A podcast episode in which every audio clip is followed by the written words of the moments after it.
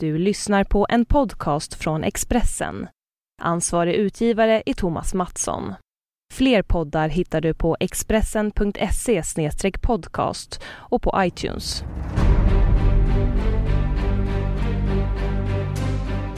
Den svenske greven Axel von Fersen var stormrik.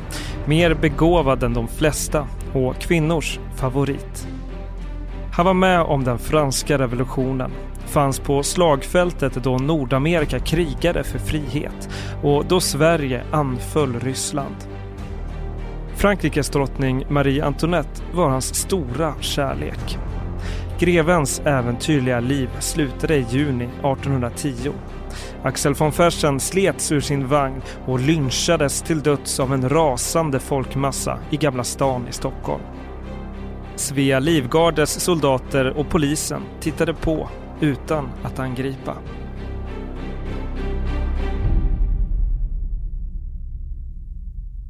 Axel von Fersen är skurken, intrigmakaren, mördaren. Han har förgiftat kronprinsessan. Därför ska han dö. Rasande människor kastar sig över den förgyllda karossen med den grevliga kronan på taket som dras av sex vita hästar. Axel von Fersen slits ut på gatan och misshandlas med käppar, paraplyer och knivar. Det sista som händer i den svenska hjältens liv är att en berusad och överviktig sjöman hoppar på hans bröst och krossar revbenen. Allt är lögn. Anklagelserna är påhittade. Det är lynchning. Ett brutalt raseri från en böbel som anklagar Sveriges högsta ambetsman för något som han är totalt oskyldig till. Misshandeln pågår i en och en halv timme. Intill finns drabanter från Svea livgarde. Och befälet ger order att de ska stå kvar med gevärskolven mot marken och inte ingripa. Bakom dem står poliser med batonger de gör heller inget för att hindra adelsmannens dödskamp. Den 20 juni 1810 är en solvarm sommardag. Butikerna och de små verkstäderna i Gamla stan och på Söder i Stockholm är stängda trots att det är en vardag, en onsdag.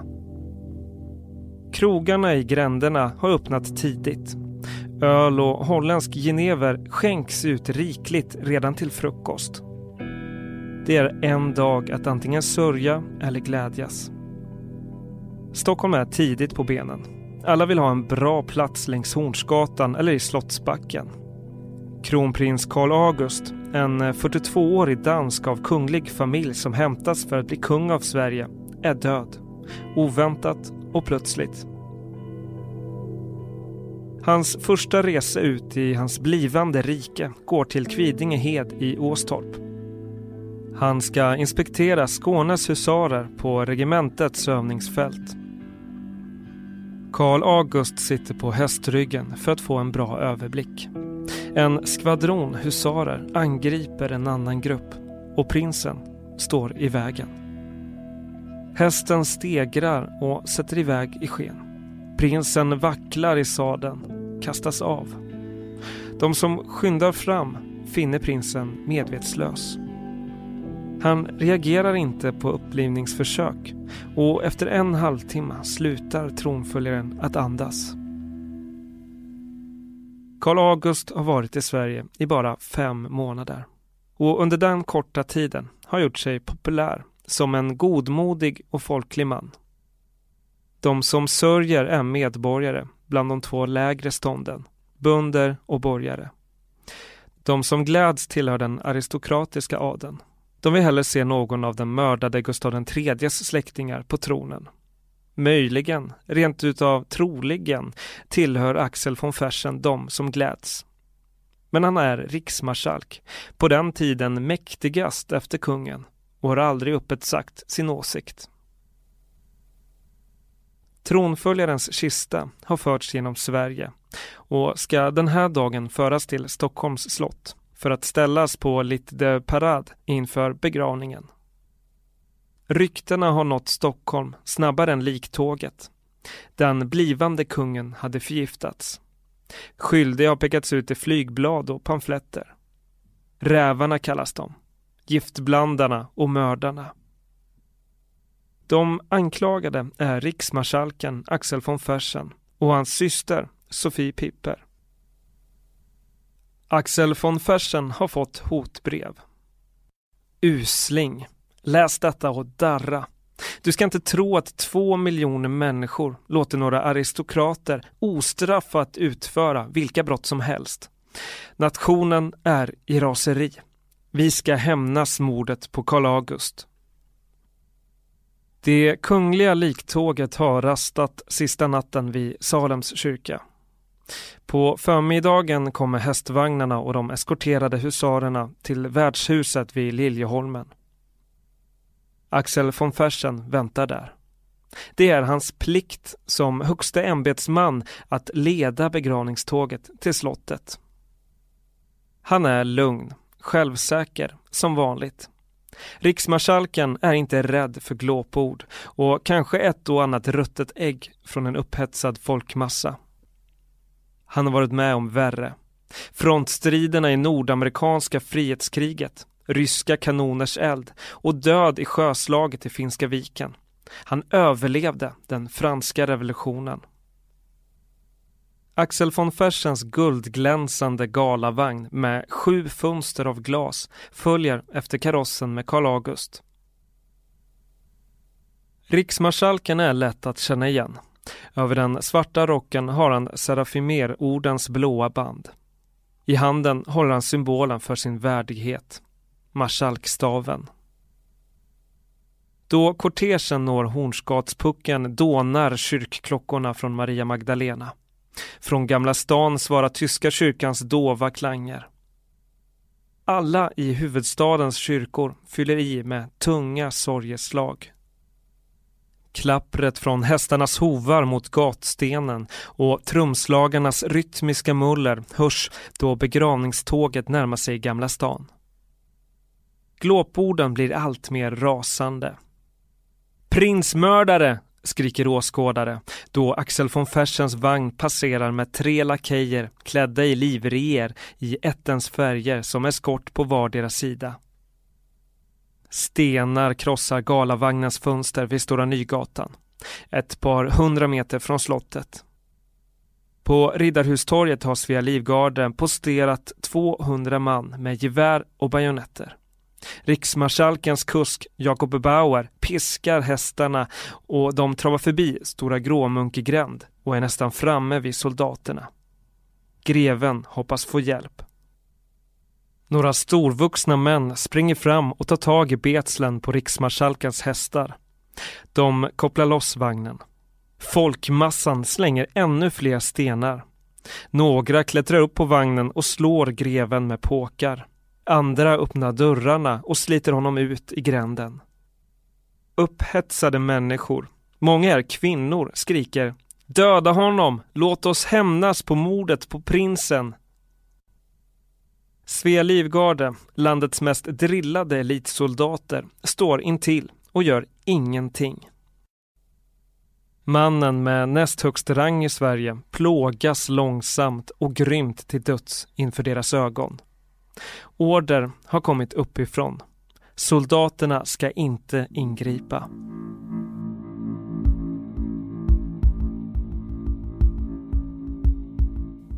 Axel von Fersens 54-åriga liv slutar utanför Stockholms gamla rådhus som då låg i Bonska palatset intill Riddarhuset. Idag finns Högsta domstolen i huset. Den som ger Axel von Fersen dödsstöten heter Otto Johan Tandefelt. En 28-årig finländare som hoppar jämfota på den döende mannens bröst och knäcker revbenen. Jublande kvinnor, barn, män tränger sig fram och skändar den döde. Det sliter av hans yllerock som är röd av blod och sargad av knivhugg. De tar hans stövlar, byxorna, skjortan, till och med underkläderna av siden. Någon stjäl också minnet som för Axel von Fersen är lika viktigt som livet. I fickan på skjortan närmast hjärtat, har greven sin käraste ägodel. Det är ett guldur med ätten von Fersens monogram i blå emalj. Greven har fått det som en kärleksgåva av en kvinna som han har älskat över allt annat. Kvinnans namn är Marie Antoinette, drottning av Frankrike. Vi återkommer till henne. Stockholm på den tiden har cirka 80 000 invånare. De flesta bor trångt i Gamla stans gränder. I fattigkvarteren på Söders höjder eller på de andra malmarna. Det är orons tid. Den gamle kungen Gustav III är borta sedan länge. Mördad på maskeraden på Operan 1791. Kungen var Axel von Fersens gamle vän och beskyddare. Det blåser politiska vindar som oroar kungliga och aristokrater. Frihet, broderskap, jämlikhet. Paroller från revolutionen i Frankrike där överklassens huvuden rullat. Fransmännen har en ny nationalsång. Marseljäsen, som sätter skräck i de privilegierade i vårt odemokratiska Sverige. Många ser nyheterna från utlandet som ett löfte om en ny tid. Andra, framförallt adeln, ser ett pöbelvälde, slutet på en tid av glans och ära. Visst fanns det skimmer över kung Gustavs dagar. Han var kulturens beskyddare och bjöd franska skådespelare till vår finaste teater i Drottningholm. Han grundade Svenska Akademin. Han skaffade ett gott avlönat kanslijobb utan närvaroplikt åt en trubadur vid namn Carl Michael Bellman för att han skulle få tid att skriva epistlar. Men den enväldige Gustav III lämnar efter sig ett land i kaos.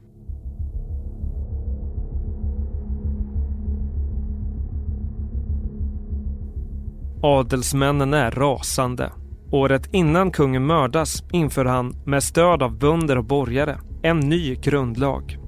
Förenings och säkerhetsakten. Bland annat upphäver den adelsfamiljernas monopol på ämbeten i staten. Tidigare gick alla fina och välavlönade jobb till män. Kvinnor räknas inte. Med von eller af i efternamnet, den enda merit som krävdes. Teaterkungens son Gustav IV Adolf är ett fiasko på tronen. Han är 13 år då Gustav III dör och de första fem åren är han visserligen kung till namnet men hans farbror, hertig Karl, är förmyndare och bestämmer. Den allvarliga krisen börjar vintern 1808. Ryssland, vår gamla arvfiende, anfaller det svenska Finland.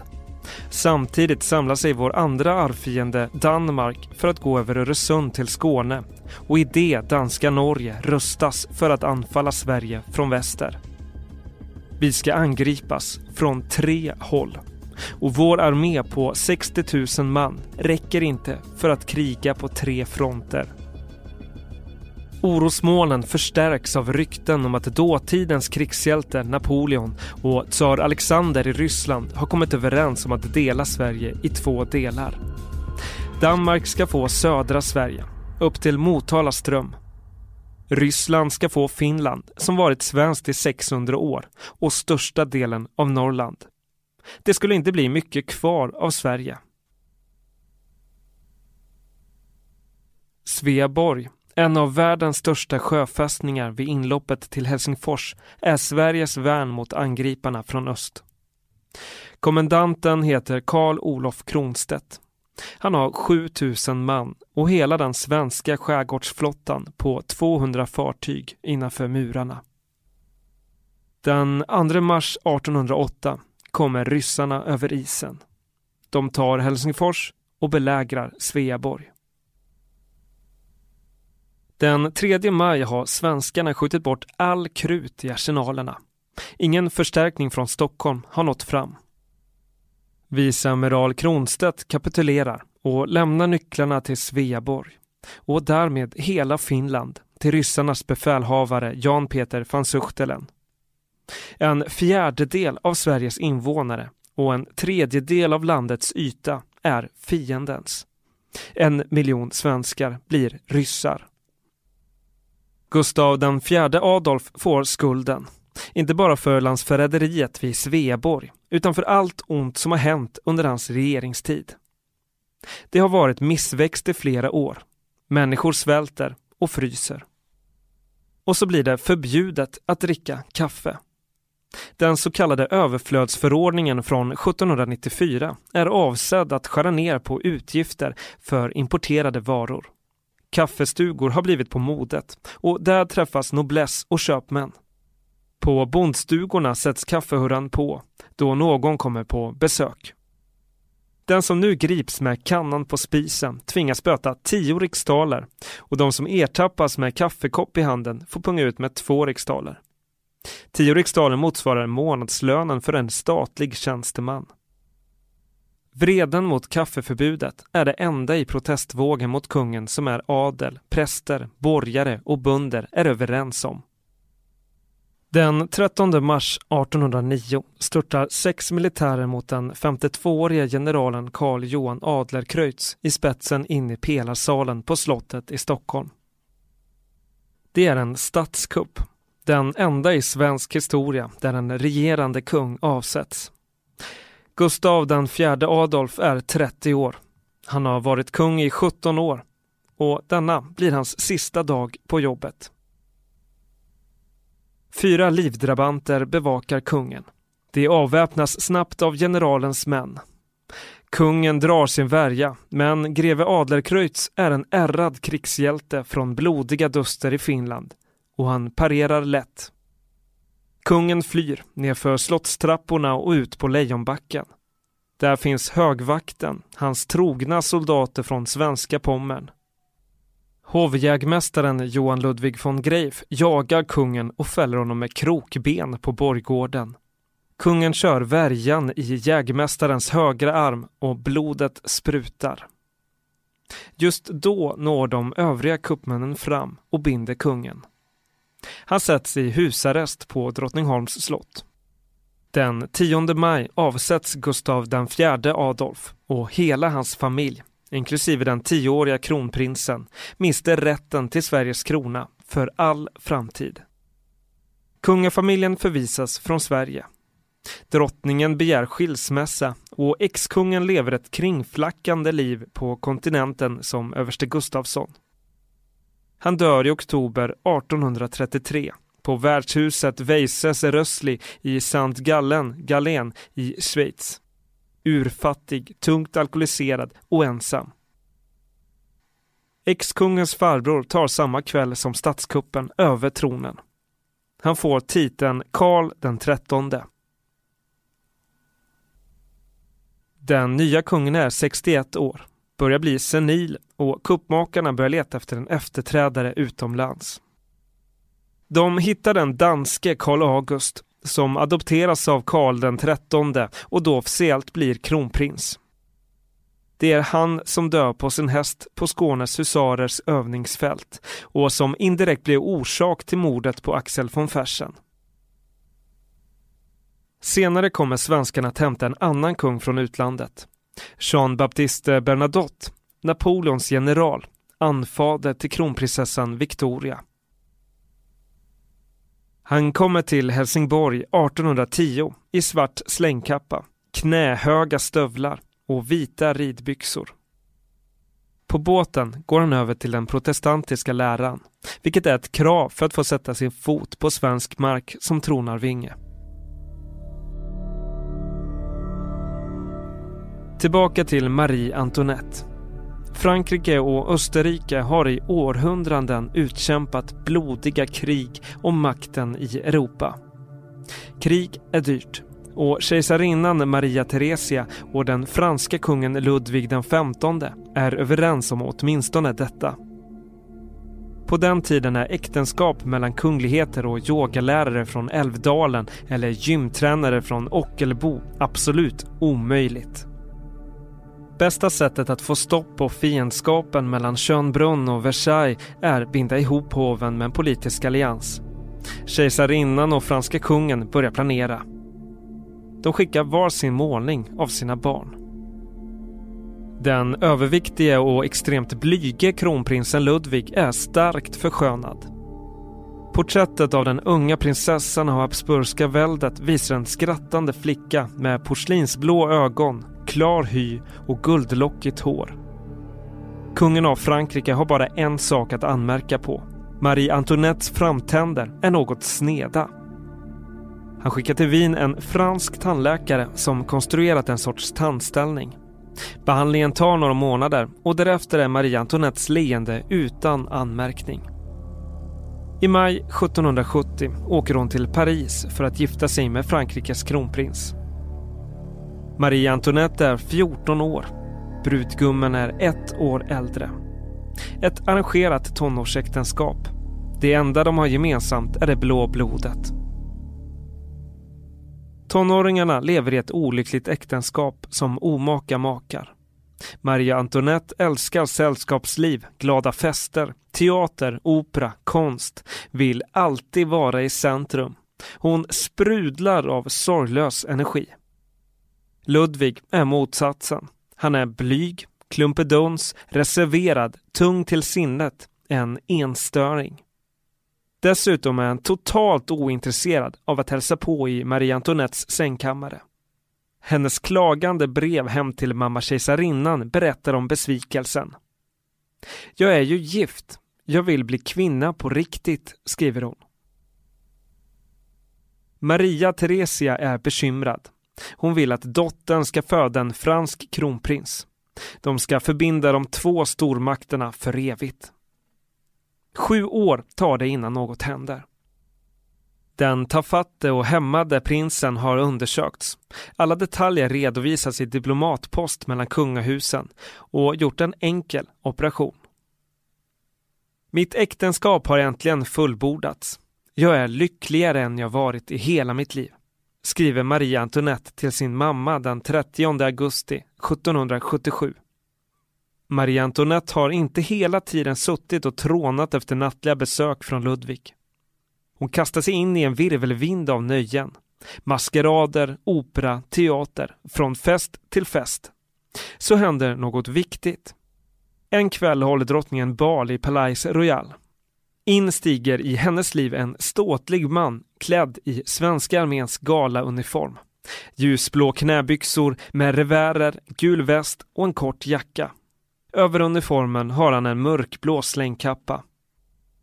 Han heter Axel von Fersen, är på uppdrag av Sveriges kung Gustav III i Paris.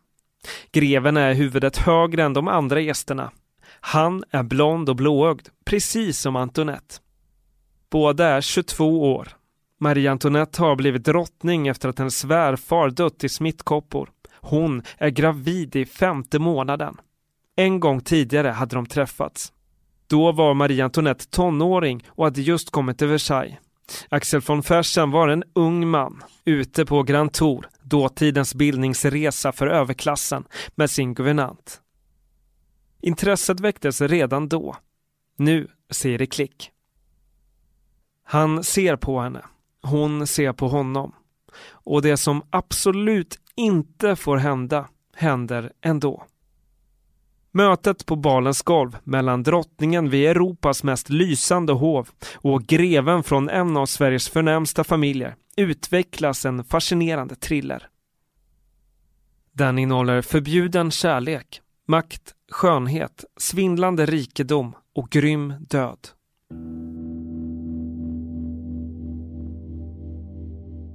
Axel von Fersen har kommit till Paris för ett kort besök. Det kommer att vara i lång tid. Han dras in i den lilla krets som umgås med Marie Antoinette i Petit Trianon. Drottningens privata och oändligt lyxiga gömställe. Intill lustslottet har hon låtit bygga en bondby mitt i slottsparken. La Amour de la Reine, drottningens by. Grinden är förgylld med guld och bara drottningen har nyckel. Där strövar välryktade kor och lamm med blå halsband omkring i paradiskt landskap. Hovfolk är klädda till bunder och kvinnor tvättar i en nygrävd bäck medan drottningen och hennes vänner promenerar barfota i gräset med färggranna solparasoller. Där finns en väderkvarn, ett mejeri och en stor laggård med väggar av vit marmor där golven alltid är bonade. Där har de sina kärleksmöten. Marie Antoinette tycker mest om lusthuset dit hovfolket inte får komma. Drottningen bjuder sin älskare på purjolökssoppa som hon har lagat själv och ost från mejeriet. Kungen, som inte låtsas känna till hustruns romans eller inte bryr sig, tycker att drottningens längtan till ett liv som är enklare än hovets är opassande. Det har kostat en förmögenhet att få drottningen att se fattig ut, klagar markisen Marc Marie de Bambelès, en av kungens förtrogna, i ett brev. Ni som sett Sofia Coppolas Hollywoodfilm Marie Antoinette från 2006 minns säkert drottningens stormande kärleksmöten med Axel von Fersen. Marie Antoinette spelas av Kirsten Dunst och som greve von Fersen ser vi den 33-årige nordirländaren Jamie Dornan. Jo då, visst var det han som spelade den sexbesatte Christian Grey i 50 Shades of Grey.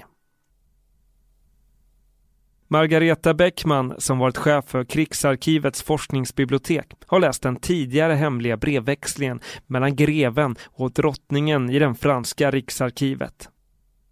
I boken Axel von Fersen och drottning Marie Antoinette skriver hon hon uppskattade honom för att han var annorlunda än alla fjäskande och påträngande kavaljer.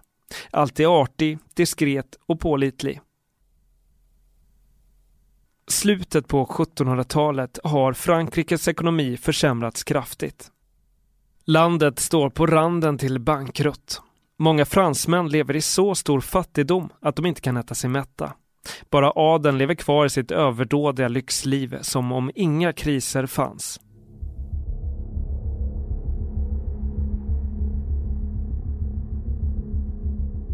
Detsamma gör hovet i Versailles och allra särskilt drottningen. Hon klär sig i extravaganta klänningar designade av Rose Bertin, kvinnan som skapade uttrycket haute couture. På ett enda år, 1782, beställer hon 170 klänningar. Hon köper dyra och gnistrande smycken från hovjuveleraren Böhmer på Champs-Élysées. Ibland utan att betala. Hon bjuder gäster att dricka bubblande champagne ur glas med bred låg kupa, kupéglas, som sägs ha formats efter hennes bröst. Då drottningen hör om svälten utanför de välbevakade palatsmurarna påstås hon att säga Har de inte bröd kan de väl äta bakelser. Sant eller inte, drottningens lyxliv gör fransmännen rasande och ryktena och skvallret om drottningens otrohet ökar. Axel von Fersen talar aldrig om sitt och drottningens förhållande. Bara hans syster Sofie Piper får veta det allra mest intima i breven han sänder henne. Och greven anförtror dagboken, den som inte är tänkt för publicering. Men nu finns 20 000 offentliga sidor i Svenska riksarkivet. Greven inser att han måste dra sig undan för att skydda drottningen. Han blir frivillig i den franska armé som skickas till frihetskriget i Nordamerika. Marie Antoinettes make utnämner greven till överste. Det är en hög rang för en 23-åring. Fyra år senare, en kväll i juni 1783, sitter drottningen i Vita salongen i Versailles och spelar harpa. En livréklädd betjänt gör en diskret gest för att uppmärksamma Marie Antoinette på att hon har en besökare. Det är Axel von Fersen. Han har blivit 27 år, fått den blivande USA-presidenten George Washingtons finaste orden för tapperhet i kriget mot britterna. Han är en krigshjälte. Båda har försökt glömma. Det har misslyckats. Snabbt blossar kärlekslågan igen. Greven plågas av smusslet, smygandet, att han aldrig kommer att få leva med kvinnan han älskar. Han skriver till sin syster. Jag har aldrig varit så älskad. Hon är en ängel av godhet, hjältemodig i sin känslighet. Greven måste hitta ett sätt att få stanna i Paris, nära sin älskade, utan att någon fattar misstankar. Lösningen blir ett svenskt regemente som är till salu. Det grundas på 1600-talet då svenska krigsfångar får välja mellan att bli galärslavar eller bli franska soldater. Royal Suédois har sedan dess blivit kungligt regemente. Officerarna är svenskar och soldaterna oftast tyskar från Pommern. Regementet är till salu.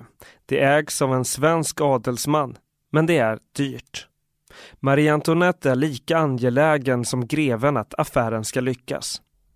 Hon skriver till Gustav III och den svenska kungen bidrar med pengar. Resten betalar grevens stenrike pappa.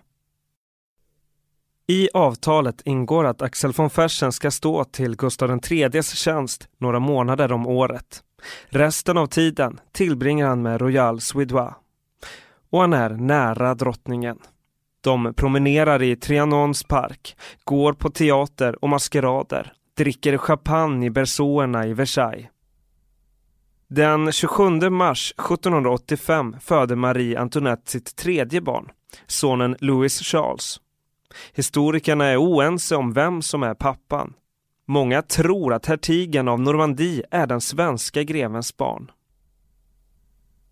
Bilder på den unge von Fersen och på Louise Charles visar två pojkar som liknar varandra mycket. Det fanns inga DNA-tester som kunde bekräfta släktskapet på den tiden. I sin dagbok skriver Ludvig den 16 om födseln. Det gick till på samma sätt som då min son föddes. Efter födseln skänker Marie Antoinette sin svenske greve fickuret i guld som han bär intill hjärtat då han mördas. Det är dekorerat med ett sammanflätat A och F. De som vet sanningen dör alla en grym död.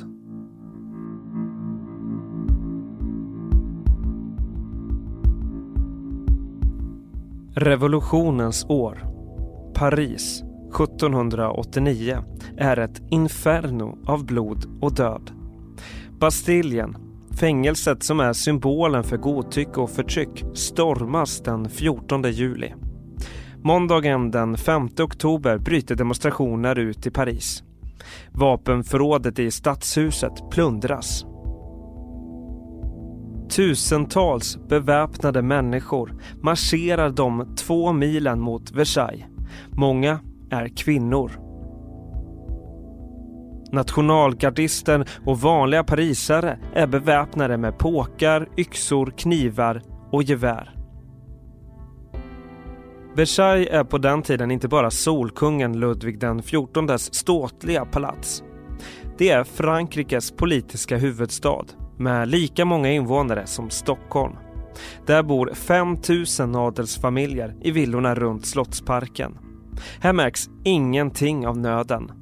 De fattiga lever två mil bort, i Paris.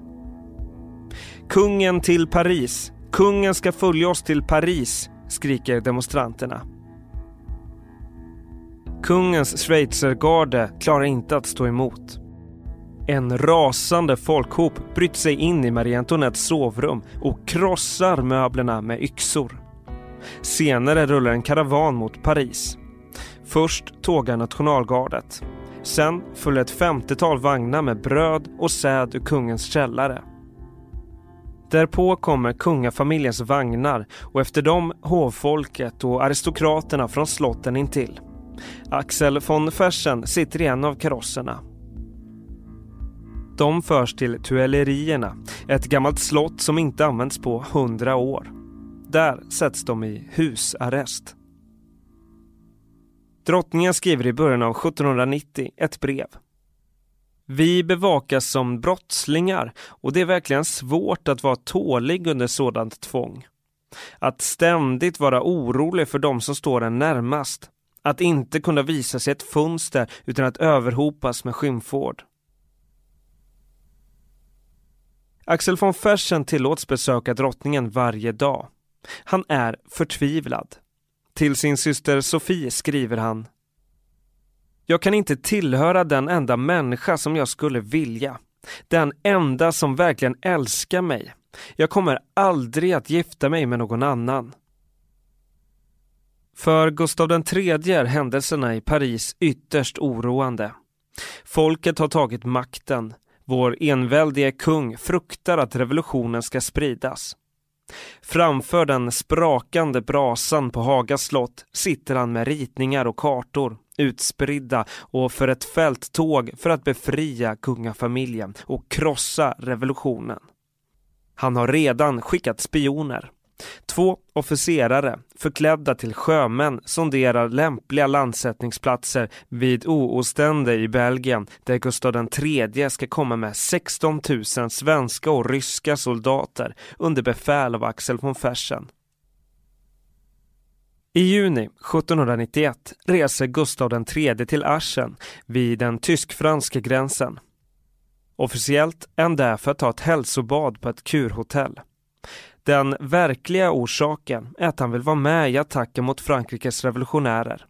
En sak måste ordnas först. Ludvig den XIV, Marie Antoinette och deras barn måste vara i säkerhet då anfallet sätts in. Uppdraget ska utföras av greve von Fersen.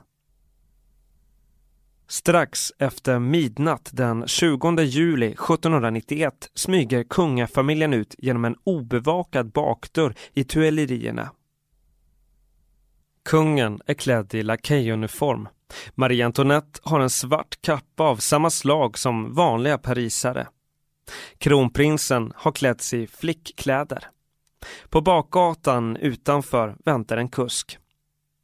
Det är den förklädde Axel von Fersen. De är 13 personer. Alldeles för många enligt greven, men drottningen har varit obeveklig under veckorna då de i hemlighet gjort upp planerna. Drottningen kan inte tänka sig att fly utan sin frisör, Monsieur Leonard. Barnen måste ha med sina guvernanter. Kungens rådgivare ska förstås med och lådvis med smycken och hovkläder. Axel von Fersen bär svart kuskrock av läder och två pistoler instoppade i byxlinningen. Greven kör den första sträckan, den farligaste, genom revolutionsgardets vägspärrar ut från Paris. Efter några timmar är de ute på landsbygden och det är dags att byta hästar. Axel von Fersen lämnar flyktingarna och rider mot Bryssel för att förbereda ankomsten. Kungafamiljens vagnar rullar vidare i nattmörkret mot belgiska gränsen. Allt går galet. Hästarna behöver vattnas efter vägen och en postmästare i byn som tjänstgjort i armén tycker sig känna igen den förklädda Marie Antoinette. Mannen är en glödande revolutionär och han slår larm. Flyktingarna når Varennes, inte långt från friheten då kyrkklockorna börjar ringa som signal för fara. Nationalgardet i staden mobiliseras. Flykten är över. Greven sänder en kurir till Gustav III som oroligt väntar i Aschen. Allt har misslyckats. Konungen arresterad 16 franska mil från gränsen och återförd till Paris. Kungafamiljen förs till ett annat fängelse, Le Temple välbevakat och omgivet av höga murar. På revolutionsplatsen färgas varje dag giljotinen blodig av det som kallas revolutionens rakning. Fasorna når allt närmare kungafamiljen. En septemberdag kommer en skrikande pöbel och kräver att drottningen ska komma till gallerfönstret. Det har något att visa. Det Marie Antoinette får se är ett huvud på en spetsad påle. Det tillhör drottningens bästa väninna, överhovmästarinnan Marie-Therese Lambel.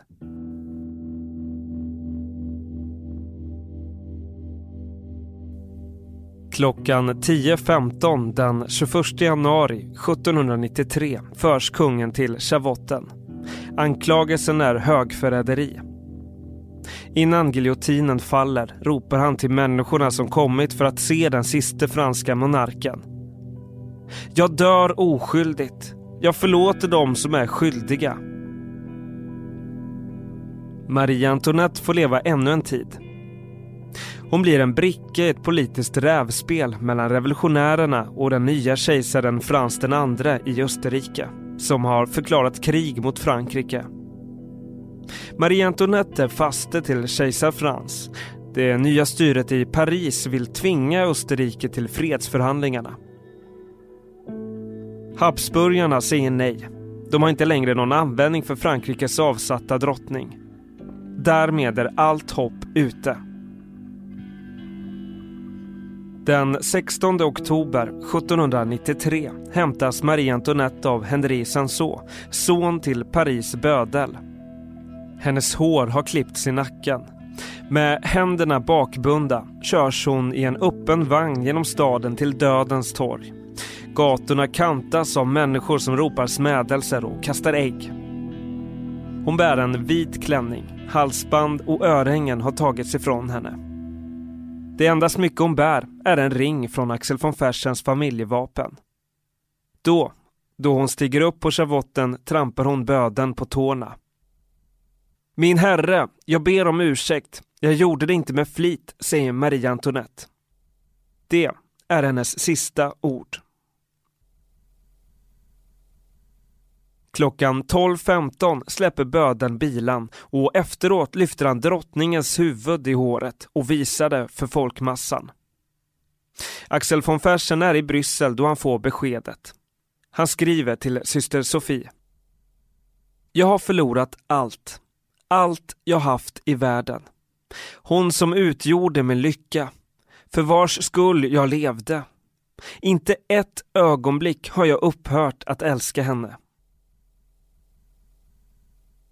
Axel von Fersen återvänder till Stockholm och blir kungens närmaste man.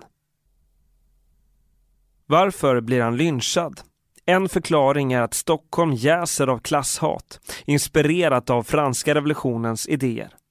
Greven är en symbol för det gamla avskydda samhällssystem där adeln styrt.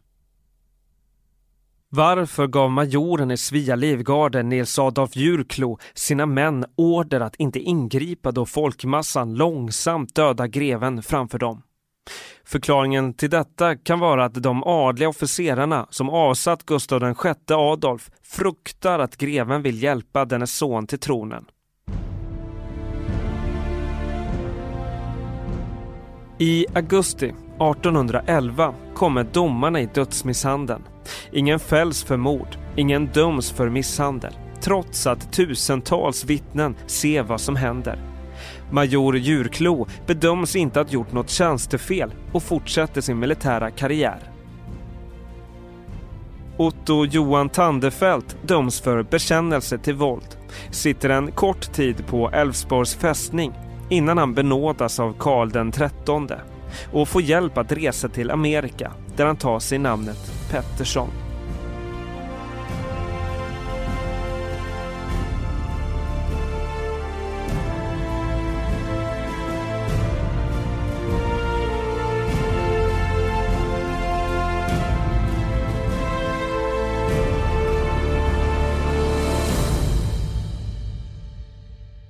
Du har lyssnat på en podcast från Expressen.